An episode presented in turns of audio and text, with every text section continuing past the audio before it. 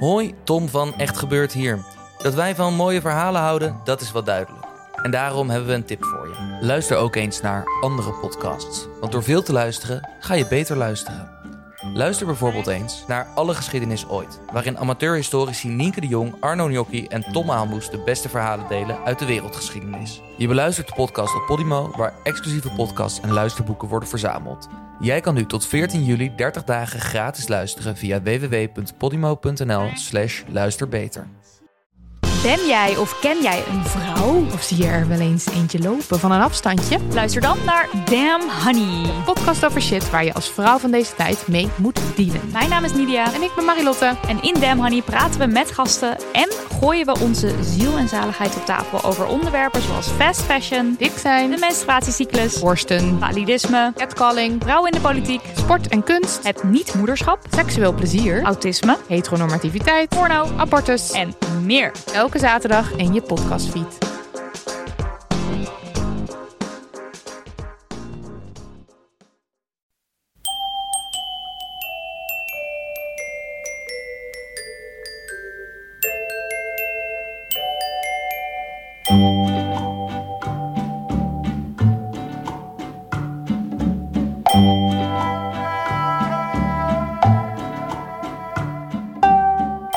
Welkom bij aflevering 13 van de Echt Gebeurd podcast. Waar echt gebeurde verhalen worden verteld door de mensen die het zelf hebben meegemaakt. In deze podcast een verhaal van Paulo van Vliet. Het thema van de Echt Gebeurd middag was familie.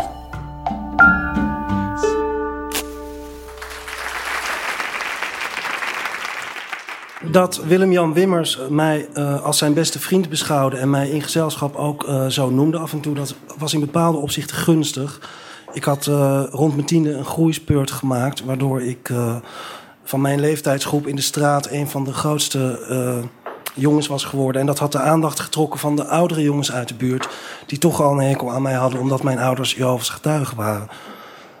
mijn moeder die stapte soms wel op een van die jongens af die mij belaagd had om, om hem een grote mond te geven. Dat was ook niet heel erg gunstig voor mijn zelfvertrouwen. Um, Willem-Jan kwam, en dit zeg ik met enige schroom, maar ik denk dat ik wel veilig kan zeggen, uit een enigszins uh, asociaal gezin. Uh, zijn vader die dronk uh, nogal. Die had een mitrailleur in de slaapkamer staan, die hij bewaard had uit de Tweede Wereldoorlog naast het gips van een uh, ooit gebroken been met allemaal slogans erop. Hij had de, de parkiet een keer jenever gegeven die dat niet overleefd had.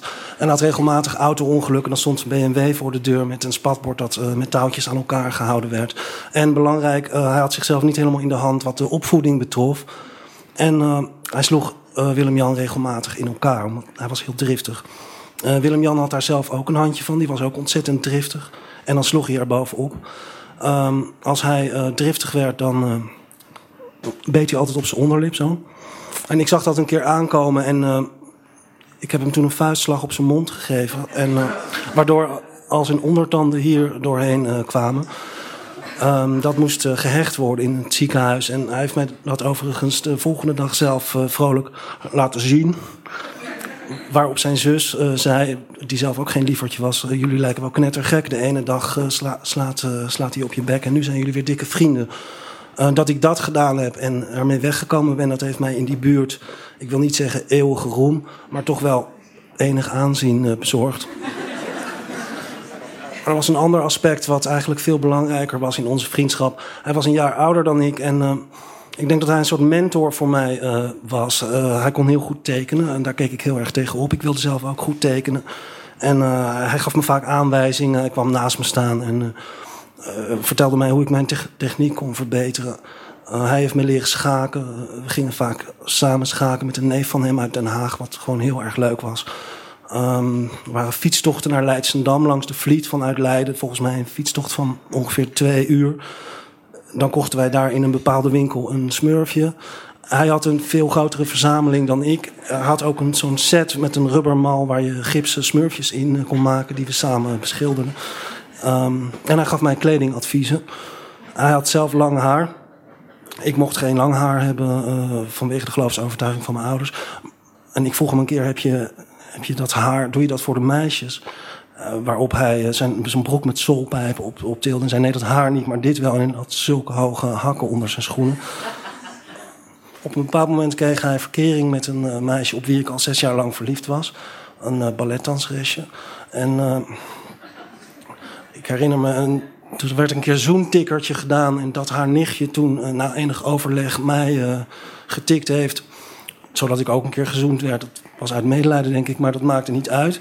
Ik vond het voorkomen terecht dat Willem-Jan mij in dit soort dingen voorging. Want hij was nu eenmaal ouder, wijzer, beter en sterker dan ik. Um, hij ging een jaar eerder van de lagere school af. Hij ging naar de middelbare school. En hij had toen geen tijd meer om, om te spelen. Ik herinner me een keer dat hij Franse woordjes moest leren en daarom snel naar binnen ging. Op een bepaald moment was er een jongen die overgebleven was, die tegen mij in de klas zei: uh, Heb je het al gehoord van Willem-Jan? Hij is dood. Waarop ik zei, eh, ik werd ontzettend kwaad op die jongen. Ik zei, daar moet je geen grapjes over maken. Maar wij woonden aan de overkant van onze school. En ik zag intussen wel dat in de straat allerlei uh, moeders uh, naar buiten waren gekomen. Die onderling in groepjes stonden te smoezen. En ik zag dat zijn vader door de politie uh, thuisgebracht werd. toen ben ik naar zijn broertje gelopen die op het schoolplein zat. En ik heb gevraagd of het waar was. en hij zei ja. Ik zei, is hij dood? Ja, een vrachtwagen. Um, een meisje riep, laat hem met rust, idioot. Waarop mijn stem brak toen ik terugriep... mag ik alsjeblieft weten wat er met mijn beste vriend gebeurd is? Uh, ik zag mijn moeder van de overkant van de straat op me afkomen. En toen ik het verdriet in haar gezicht uh, zag, moest ik huilen. Hij was... twee jongens waren naast elkaar gefietst. De sturen waren in elkaar gekomen en hij was eronder gevallen.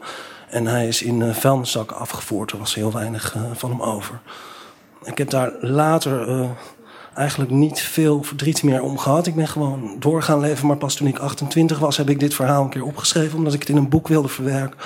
En toen, uh, toen ik het las, uh, toen pas moest ik er uh, heel erg weer een keer om huilen. Um, zijn ouders die zijn er denk ik nooit overheen gekomen. Zijn vader die kreeg kanker. Um, en die is gestorven. En ik breng dat zelf in verband met schuldgevoel. Maar het kan ook door de drank gekomen zijn. Drinken zal in ieder geval niet minder zijn geworden nadien. Um, en zijn moeder die is eigenlijk het huis niet meer uitgekomen. Die zat altijd op dezelfde plek achter het raam. Ik ben tot mijn 33ste in die straat gekomen. En iedere keer als ik langsliep, dan zwaaide ik uh, naar haar en dan zwaaide ze terug. En uh, ja, het kan niet anders dat zij volgens mij iedere keer gedacht heeft... Uh, zo oud zou Willem-Jan nu ook ongeveer geweest zijn. En misschien zou hij er ook wel zo uitgezien hebben. Of je hier een moraal uit kunt halen, dat weet ik niet. Maar ik heb er wel over nagedacht. En het zou zoiets kunnen zijn als eh, de vraag in hoeverre het mogelijk is om je dierbaren te beschermen tegen gebeurtenissen die langskomen, zoals deze vrachtwagen langskwam, uh, die alles onherstelbaar kapot maken.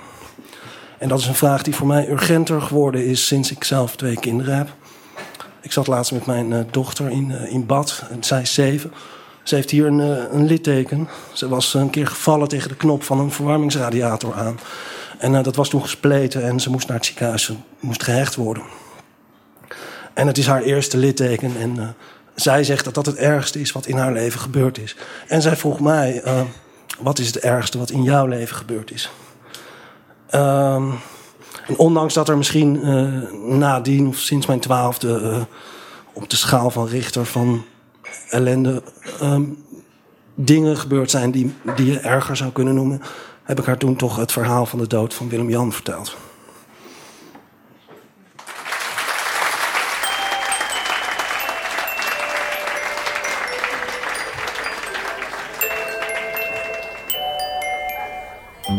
Dat was Paulo van Vliet. Als je meer over zijn jeugd wil weten, ga dan op zoek naar zijn roman Uitgesloten. Die verscheen een poos geleden, maar toen ik hem vorige maand las, was ik zeer onder de indruk.